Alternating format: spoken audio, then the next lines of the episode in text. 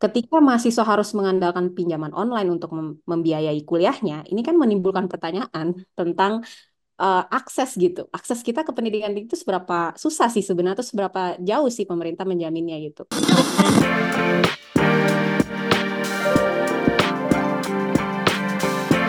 Hai sahabat TCID, kalian sedang mendengarkan podcast Suara Akademia.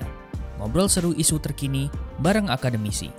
Diskusi mengenai biaya kuliah um, jadi lumayan ramai lagi nih Sobat TCID karena di platform X atau Twitter salah satu kampus negeri di Jawa Barat, ITB, um, disebutkan uh, biaya kuliahnya lumayan tinggi dan mereka menjadi lumayan ber, uh, lumayan jadi topik gitu karena uh, adanya uh, fitur pinjol yang bisa dimanfaatkan oleh mahasiswa untuk digunakan membayar uh, uang kuliah tunggal atau UKT. Sebenarnya istilah um, pinjaman untuk pendidikan ini udah lumayan marak diperbincangkan di negara-negara lain gitu ya dan artikelnya pun bisa teman-teman baca di um, uh, The Conversation Indonesia tapi untuk episode kali ini di Suara Akademia kita bakal ngebahas tentang pembiayaan UKT menggunakan pinjol gitu. What's wrong with this? Apakah memang dampak dari komersialisasi kampus kah? Atau memang kita bisa uh, berharap pemerintah ikutan membantu di sini? Kita bakal uh, diskusi soal hal itu dan buat minggu ini kita bakal ngobrol bareng sama Mbak Ayu Anastasia Rahman dari International Relations Department dari Universitas Bina Mandiri Gorontalo. Halo Mbak Ayu, apa kabar Mbak? Halo Mas Syarif, baik Alhamdulillah. Ah, Oke, okay. nice to know it. Mbak Ayu, mungkin kita um, ngobrol pertama soal tren UKT nih Mbak, yang beberapa tahun ke belakang tuh omongan UKT mahal sering banget jadi topik di tengah-tengah masyarakat gitu ya. Apa ya kira-kira Mbak yang menyebabkan biaya kuliah tuh makin ke sini makin mahal gitu? Apakah memang langkah komersialisasi kampus yang makin diterapkan sampai akhirnya UKT-nya mahal dan ini juga konsekuensi karena beberapa PTN jadi perguruan tinggi negeri berbadan hukum gitu Mbak jadi um, bikin semuanya mahal jadi faktor penentu gitu Mbak. Mhm. Oke, okay. uh, eh, ini menarik banget sih. Uh, jadi istilah komersialisasi kampus ini menurutku adalah ungkapan yang sarkasme sih. Karena hmm. kan kampus itu pada dasarnya nirlaba ya, dia nggak bisa uh, dituju ditujukan untuk mencari profit. Di Indonesia sendiri, seperti yang kita tahu, hak untuk mendapat pendidikan itu kan dijamin oleh konstitusi, oleh Undang-Undang 45 kan. Hmm. Artinya kan hak ini tuh diberikan untuk semua bangsa gitu, tanpa harusnya juga tanpa ada syarat tertentu seperti oh dia harus pintar atau dia harus kaya, karena kan itu amanat undang-undang. Nah, istilah komersialisasi kampus ini sebenarnya bentuk sindiran dan kritik terhadap pemerintah, bukan hanya di Indonesia aja, tapi hmm. di luar negeri juga di berbagai negara, uh, khususnya untuk pemerintah yang mulai mengurangi subsidi terhadap kampus. Dan di saat yang sama juga menuntut kampus untuk unggul, bahkan berkelas dunia. Jadi imbasnya tuh kampus malah terseok-seok kan untuk membiayai operasional yang begitu tinggi, Nah, caranya dengan mencari-cari proyek yang cuan atau membuka jalur mandiri yang sangat mahal, termasuk juga yang kita lihat di Indonesia gitu dengan menaikkan UKT. Nah, kalau kampus di, terus dibiarkan seperti ini tuh oleh pemerintah, jadi ujungnya tuh fokusnya bukan lagi mencerdaskan kehidupan bangsa, tapi bahkan jadinya malah meningkatkan pendapatan dan mengefisiensikan biaya gitu layaknya bisnis komersial. Nah, uh, kalau di PT kalau Indonesia kan ada istilah PTNBH ya, seperti Mas Syarif iya. bilang tadi. PTNBH itu status yang diberikan kepada beberapa PTN di Indonesia untuk mendapat otonomi, artinya kemandirian lah untuk ngurusin keuangan, aset, sumber daya gitu, sumber daya manusia gitu ya.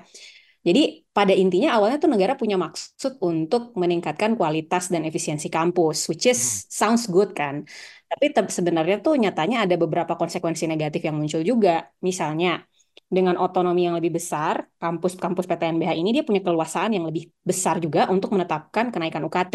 Karena dia hmm. harus sesuaikan juga nih dengan kebutuhan biaya operasional, misalnya pengadaan fasilitas, dan juga kondisi keuangan universitas pasca subsidinya berkurang gitu. Pengurangan subsidi dari pemerintah terhadap PTNBH ini jadinya mendorong kampus untuk cari sumber pendapatan alternatif kan, termasuk juga melalui kenaikan UKT dan um, apa ya istilahnya memasarkan jalur mandiri lah dengan harga yang lebih mahal. Yeah. Uh, di saat yang sama, ini juga yang agak ironis, kampus itu dituntut untuk meningkatkan kualitas pendidikan dan fasilitas nih, udah dikurangi subsidinya, kemudian dituntut pula untuk meningkatkan kualitas dan fasilitas. Bahkan uh, sekarang itu lagi ada concern yang besar untuk menjadi world class university kan. Hmm. Ini artinya kampus tuh harus juga bersaing gitu dengan perguruan tinggi lain di dalam maupun di luar negeri. uh, kalau saya sih melihatnya ini ada hubungan benci dan cinta gitu ya antara Ya. Kampus dan budaya korporasi ini gitu ya. Cintanya, budaya korporasi ini kan sebenarnya mendorong efisiensi. Artinya kita di kampus tuh diajarkan buat nggak boros, Hmm. buat gam- buat nggak melakukan sesuatu cuman buat habisin anggaran doang misalnya. Ya. Ah, di kamp- eh, budaya ini juga sebenarnya mendorong untuk akuntabel, lebih transparan, bahkan dengan proyek-proyek quote and quote entrepreneurship universitas ini, mahasiswa tuh jadi punya skill untuk merancang proyek misalnya dan lebih berjiwa kewirausahaan. Nah, sisi bencinya ini, kalau tidak dilandasi dengan etika dan moral, jatuhnya malah budaya efisiensi korporasi ini malah menggeser fokus kampus yang tadi aku bilang di awal gitu. Jadinya kampus malah terlalu fokus eh, untuk berorientasi pada untung rugi daripada ya tadi menjalankan amanat undang-undang gitu sih. Nah, yang jadi lumayan menarik adalah ketika berbicara soal em, biaya kuliah zaman sekarang yang bisa dibilang lumayan mahal gitu ya. Apalagi ada beberapa kampus, ada yang, eh, sorry, di beberapa daerah ada beberapa mahasiswa dan juga orang tua mahasiswa yang eh, menyebutkan biaya kuliah di negeri yang dulunya murah sekarang udah 11-12 sama swasta.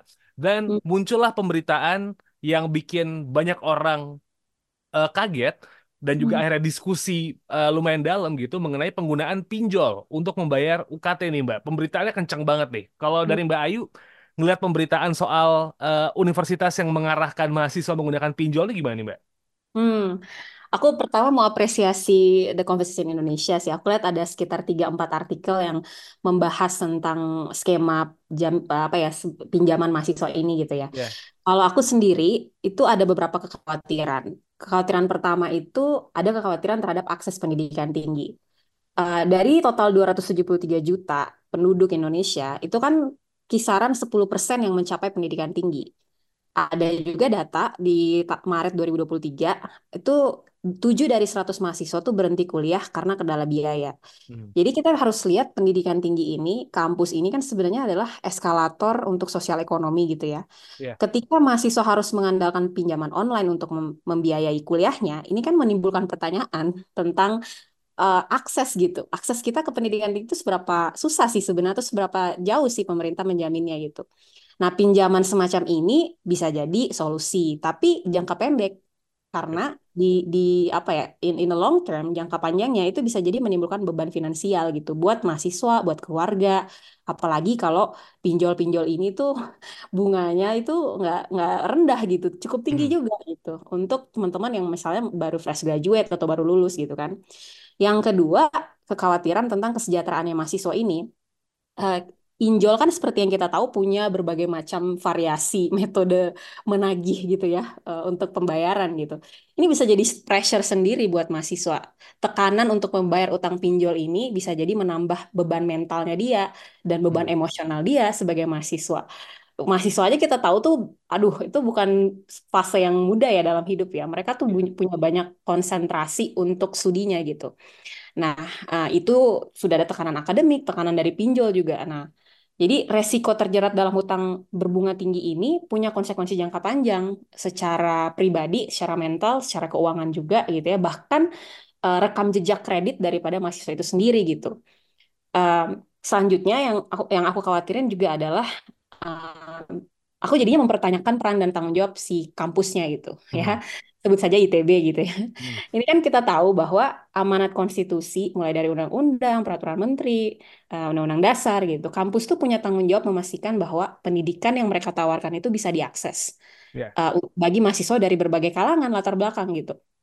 Ini juga termasuk menyediakan informasi yang jelas tentang biaya pendidikan, ada opsi pembayaran gitu ya, serta menawarkan beasiswa dan bantuan keuangan yang membutuhkan gitu.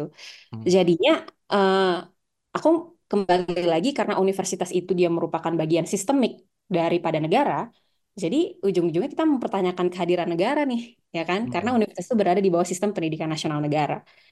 Kebijakan universitas itu tidak hadir di ruang hampa, dia nggak hadir secara magis gitu tiba-tiba. Ya. Dia pasti dipengaruhi atau merespon terhadap aturan negara tadi yang yang PTNBH gitu ya, karena Ya. sudah ada pengurangan subsidi, eh, dituntut untuk WCU. Jadi dia juga harus kreatif nih dalam artian tanda kutip kreatif dalam mencari cara untuk mendapatkan uang. Begitu sih. Jadi miris ironis sih sebenarnya untuk negara seperti kita. Oke. Tapi kan praktek, um, mungkin kita bisa menggunakan istilah student loan kali ya, uh, Mbak Ayu gitu, yang ketika kampus gitu menyarankan menggunakan pinjol, akhirnya student loan ini tuh uh, berjalan gitu, ada. Dan Hmm. udah terjadi juga di beberapa negara kayak, let's say kita sebut Amerika Serikat lah. Dan ini dianggap sama beberapa pihak, itu ternyata memberatkan mahasiswa karena menciptakan hutang yang berkepanjangan gitu. Bahkan memutuskan untuk kayaknya nggak kuliah deh karena kalaupun kuliah ini bisa eh, nggak kebayar nih utangnya. Jadi kalau misalnya kita ngelihat situasi yang sekarang dan ternyata sepertinya tidak hanya em, ITB saja yang menerapkan ini, akses ke pendidikan tinggi itu makin ke sini jadi makin sulit nggak sih Mbak Ayu kalau eh, situasinya kayak gini terus? Hmm, semakin kompleks gitu ya. Oke. Eh, sebelum aku masuk eh, apa ngerespon pertanyaan eh, bagian kedua itu, mungkin tadi ada case eh, tentang Amerika Serikat ya. Ya. Jadi student loans di Amerika Serikat itu sebenarnya tujuannya untuk menciptakan akses dan Oke. itu terbukti gitu. Mereka itu menciptakan akses eh, apalagi untuk untuk mahasiswa yang nggak punya pendapatan langsung lah gitu ya. Ya. Apalagi kalau di Amerika Serikat kan culture-nya usia eh, di atas 17 tahun basically udah independen gitu ya kan. Hmm. Mereka biasanya sudah lebih mandiri lah gitu ya. Nah, tapi juga sistem di Amerika Serikat ini walaupun dianggap berhasil memberikan akses pendidikan, tapi dikritik habis-habisan juga karena menciptakan beban hutang jangka panjang bagi mahasiswa yang ujung-ujungnya tuh mempengaruhi keuangan dan kesejahteraan mereka setelah mereka lulus. Jadi kalau di US itu sistemnya pengembaliannya itu dilakukan pada saat mereka sudah uh, lulus gitu ya, sudah bekerja mereka kembalikan ke negara. Nah, pinjaman mahasiswa seperti ini itu walaupun terbukti memberikan akses, tapi di sisi lain ada beban hutang yang lagi-lagi akan menjadi semakin berat, apalagi dengan tingkat bunga yang tinggi kan. Jadi bukan hanya terjerat hutang saja, tapi juga malah mempengaruhi kemampuan lulusan ini. Kalau kita pakai sistem kayak US, bayarnya setelah lulus gitu ya. Ya. Uh, jadinya mempengaruhi si lulusan ini, dia baru fresh graduate, jadinya dia harus mikirin hutang yang besar gitu ya. Jadinya Hmm. keputusan-keputusan lain dalam hidupnya yang juga penting gitu. Misalnya seperti membeli rumah, berinvestasi, memulai bisnis, itu juga jadinya malah terpengaruh kan. Iya. Karena dia nggak mikirin untuk bagaimana meningkatkan daya belinya sendiri, dia mikirin bagaimana cara mengembalikan pinjaman dia ke negara gitu. Ya, betul. Nah, di Amerika Serikat, student loan ini uh, dia jadinya mendorong kampus untuk meningkatkan biaya kuliah, Mas. Nah, ini juga fakta yang menarik sih. Uh, beberapa riset uh, memaparkan bahwa ada ketergantungan terhadap student loan, bukan hanya dari mahasiswa, tapi juga dari kampus. Karena Hmm. kampus merasa, oh mahasiswa bisa kok meminjam berapapun itu untuk menutupi biaya. Jadi imbasnya biaya kuliah di Amerika Serikat, seperti yang kita tahu, melonjaknya sangat-sangat tinggi gitu. Ya. Pada akhirnya membuat kuliah semakin tidak tidak terjangkau gitu ya, tanpa pinjaman. Mau nggak mau, orang kalau kuliah di US tuh, kalau misalnya bukan international student yang dibiayai LPDP atau Fulbright gitu ya, dia Mhm. harus pinjam gitu. Karena tingginya biaya pendidikan di US. Nah ini juga salah satu concern gitu ya, bahwa eh, kalau kita tidak berhati-hati, malah akan menimbulkan ketergantungan baik kampus maupun mahasiswa terhadap skema peminjaman ini gitu. Hmm. Belum lagi kalau kita bicara potensi konflik gagal bayar kan. Ini Yes. juga sering banget terjadi di US.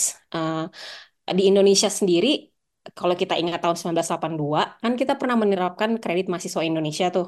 Betul. Nah, juga sama gitu. Kegagalannya adalah karena tidak mampu membayar. Jadi mahasiswa itu dikasih pinjaman eh, berskema waktu gitu ya, 10 tahun untuk pelunasan.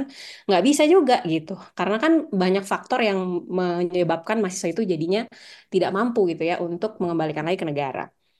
Jadi eh, ditambah lagi kalau di Indonesia aku ngelihat eh, kita kan masih lumayan tinggi ya angka pengangguran berdasi gitu. Betul. Atau angka pengangguran lulusan perguruan tinggi ya. Ah, ini kan sebenarnya sinyal bahwa pekerjaan buat orang sarjana itu susah loh sebenarnya, sedikit dan sangat kompetitif.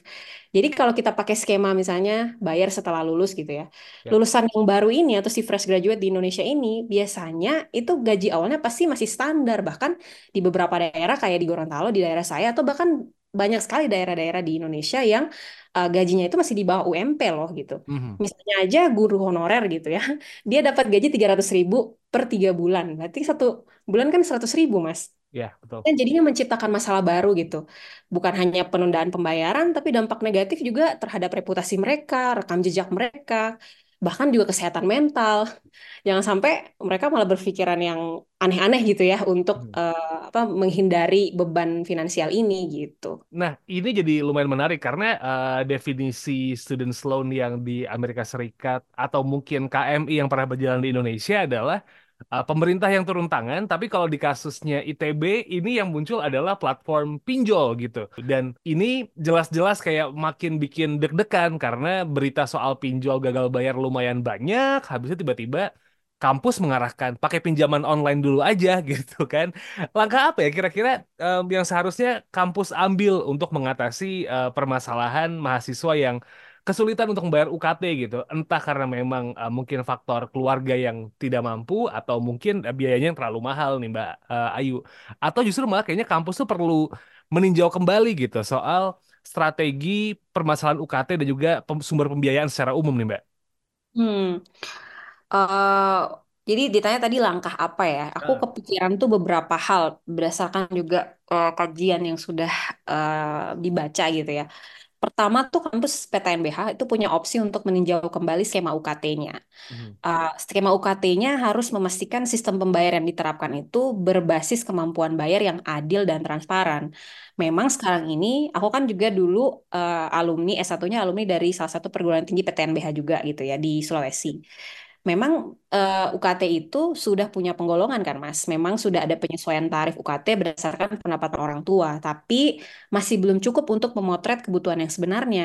Misalnya, ada hal-hal lain yang memengaruhi kemampuan bayar orang tua. Misalnya contohnya seperti tanggungan keluarga, dia punya banyak anak misalnya gitu ya. Yeah. Atau dia punya hutang piutang gitu kan.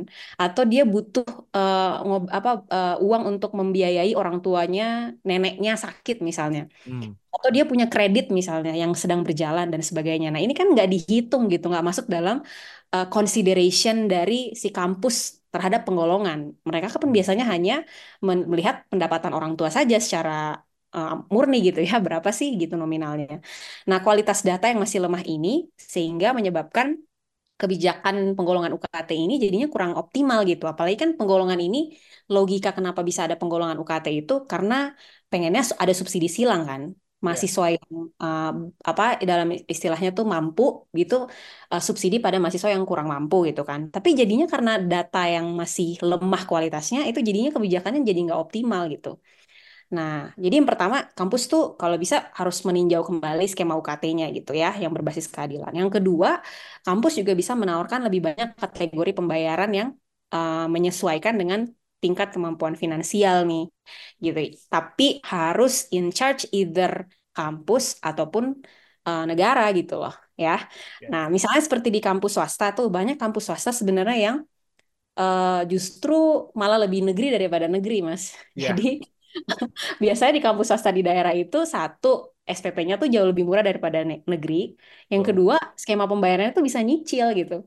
Jadi mahasiswa tuh bisa nyicil dua kali, tiga kali pokoknya sampai uh, semester itu berakhir aja gitu yeah. ya itu itu itu jadi salah satu potret bahwa bisa kok sebenarnya kampus itu membuat pemakluman-pemakluman gitu terhadap hmm. mahasiswa yang uh, secara finansial itu sebenarnya uh, apa kurang mampu atau misalnya bermasalah gitu ya. Yang ketiga menambah beasiswa. Nah, uh, kan sekarang kan ada beragam ya beasiswa ya, baik itu internal universitas ataupun kerjasama dengan pihak eksternal pemerintah swasta dan lain-lain. Um, ada juga isu tentang moral hazard kalau kita bicara soal beasiswa ya. ya. Hmm.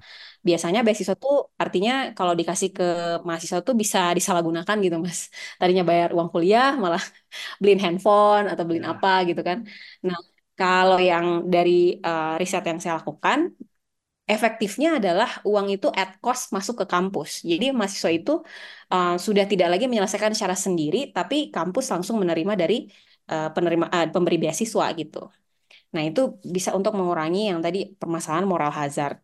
Um, ketiga juga uh, apa namanya? Eh keempat sorry keempat uh, kampus bisa berperan untuk menyediakan bantuan lain yang non keuangan contohnya, misalnya seperti eh, bantuan biaya hidup lah, atau bantuan akomodasi, mungkin ada mes gitu ya, atau dormitori gitu kan. Itu kan sebenarnya mengurangi beban mahasiswa gitu kan secara finansial. Jadinya dia bisa eh, mengatur keuangannya. Jadi yang tadinya paling besar itu untuk akomodasi, untuk tempat tinggal. Jadinya karena udah disubsidi oleh kampus atau sudah dibayarkan secara gratis oleh kampus, jadinya mereka bisa konsen untuk mengumpulkan uang atau menyimpan uang untuk biaya pendidikan gitu. Nah, um, aku juga kepikiran universitas ini khususnya PTNBH, dia sebenarnya punya posisi tawar-menawar yang bagus banget gitu. Artinya dia bisa mengambil peran untuk mengadvokasi kebijakan pendidikan tinggi yang lebih berkeadilan dan juga berkelanjutan di level pemerintah. Jadi daripada hanya sekedar menerima kebijakan yang dibuat aja oleh pemerintah, kampus PTNBH juga punya punya kok sebenarnya posisi untuk uh, lobbying gitulah dengan pemerintah bahwa mungkin kebijakan kebijakan kebijakan ini uh, bisalah kita seperti beasiswa misalnya kita bisalah nambah beasiswa uh, kip kuliah misalnya jatah kip kuliah gitu ya Uh, itu juga menurut aku di beberapa daerah masih kurang banget untuk keep kuliah gitu ya. Nah, ini kan sebenarnya ada ruang-ruang gitu ya, uh, sehingga uh, bekerja sama dengan pinjol atau pihak ketiga hmm. itu menjadi opsi yang tidak ada di atas meja gitu loh. Kalau kita tadi punya dukungan penuh dari pemerintah uh, dengan values bahwa pemerintah itu adalah pelaksana undang-undang dasar ya yang ingin menjamin pendidikan gitu. Dan universitas juga satu visi dengan pemerintah bagaimana caranya uh, apa namanya fokus utamanya adalah mencerdaskan mahasiswa bukan uh, apa ya menambah pendapatan gitu. Tricky juga sebenarnya karena permasalahannya adalah kalau kita melihat yang sekarang ramai kan adalah universitas negeri yang anggapan masyarakat seharusnya pemerintah bisa ikut turun tangan nih atau uh, menyelesaikan permasalahan ini nih uh, Mbak hmm. Ayu. So kalau misalnya dari sudut pandang Mbak Ayu sendiri, gimana ya kira-kira seharusnya peran negara nih gitu uh, buat ngerespon permasalahan ini? Apakah memang um, subsidinya harus diperhatikan lagi kah supaya akhirnya nggak asal buat dipotong atau seperti apa? Gimana. Uh, pertama, uh, kita juga harus berhati-hati untuk tidak terjebak pada kebijakan neoliberalisme gitu ya. Ini istilahnya cukup uh, cukup akademik, tapi neoliberalisme itu intinya upaya negara untuk mulai melepaskan campur tangan di dalam dunia pendidikan gitu ya. Uh, negara melihat pendidikan tinggi itu sebagai barang publik, artinya dia punya manfaat untuk um, masyarakat luas lah untuk negara. Tapi di saat yang sama, negara melihat pendidikan itu sebenarnya juga barang privat. Artinya dia punya manfaat bagi si mahasiswanya sendiri dan keluarga mahasiswa gitu. Yeah. Itu logika uh, yang memunculkan adanya pembagian biaya pendidikan gitu antara um, negara subsidi negara dan juga masyarakat tetap dimintain bayar nih gitu karena tadi ada logika uh, barang publik dan barang privat gitu ya. Yeah. Nah sekarang kalau pertanyaannya bagaimana seharusnya peran negara pemerintah Indonesia itu kan dia punya dua pijakan solid ya harusnya ya untuk menyelesaikan masalah ini. Uh, pertama adalah nilai-nilai keadilan gitu ya, uh, moral lah, etika lah. Yang kedua ya amanat undang-undang. Ini dua hal yang menurut aku kontekstual banget ke Indonesia gitu, yang nggak ada di negara lain. Seperti tadi student loan di US kan dia punya cultural sensitivity sendiri ya. Kenapa uh, kemudian uh, dia banyak dikritik di US. Ya. Nah kalau di Indonesia kita punya banyak resort kok yang sebenarnya uh, apa ya misalnya contohnya seperti pendanaan ya uh, sekarang ini kan kita kenal ada Merdeka Belajar Kampus Merdeka ya hmm. jadi itu program-program MBKM itu seperti ISMA misalnya atau pertukaran mahasiswa gitu ya ke luar negeri itu kan luar biasa besar dong pembiayaannya ya nggak sih? Berarti kan sebenarnya negara kita tuh mampu gitu loh. Kita tuh punya banyak uh, cadangan uang gitu loh untuk pendidikan gitu Apalagi LPDP, Lembaga uh, Pengelola Dana Pendidikan, sekarang kan sudah punya dana abadi sekitar 7 triliun. Hmm. Jadi selama ini beasiswa negara itu hadir untuk yang pinter aja, dibuktikan dengan sertifikat pinter misalnya, atau sertifikat prestasi, sorry.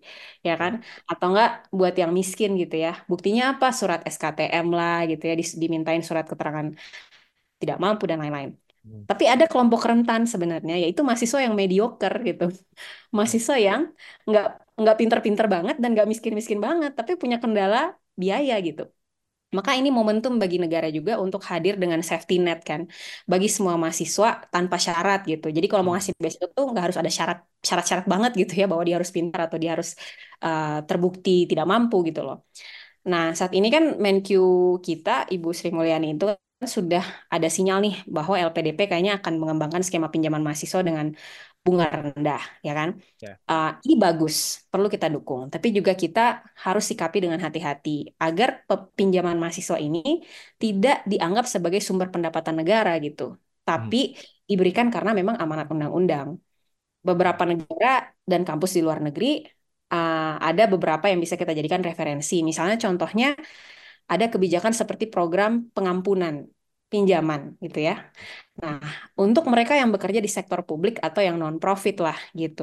Jadi kalau kerja-kerjanya buat kemas- ke- eh, kemanusiaan uh, bisalah gitu ya diberikan pengampunan pinjaman atau sistem pembayaran berbasis penghasilan saat sudah lulus seperti yang banyak kita bahas di awal tadi.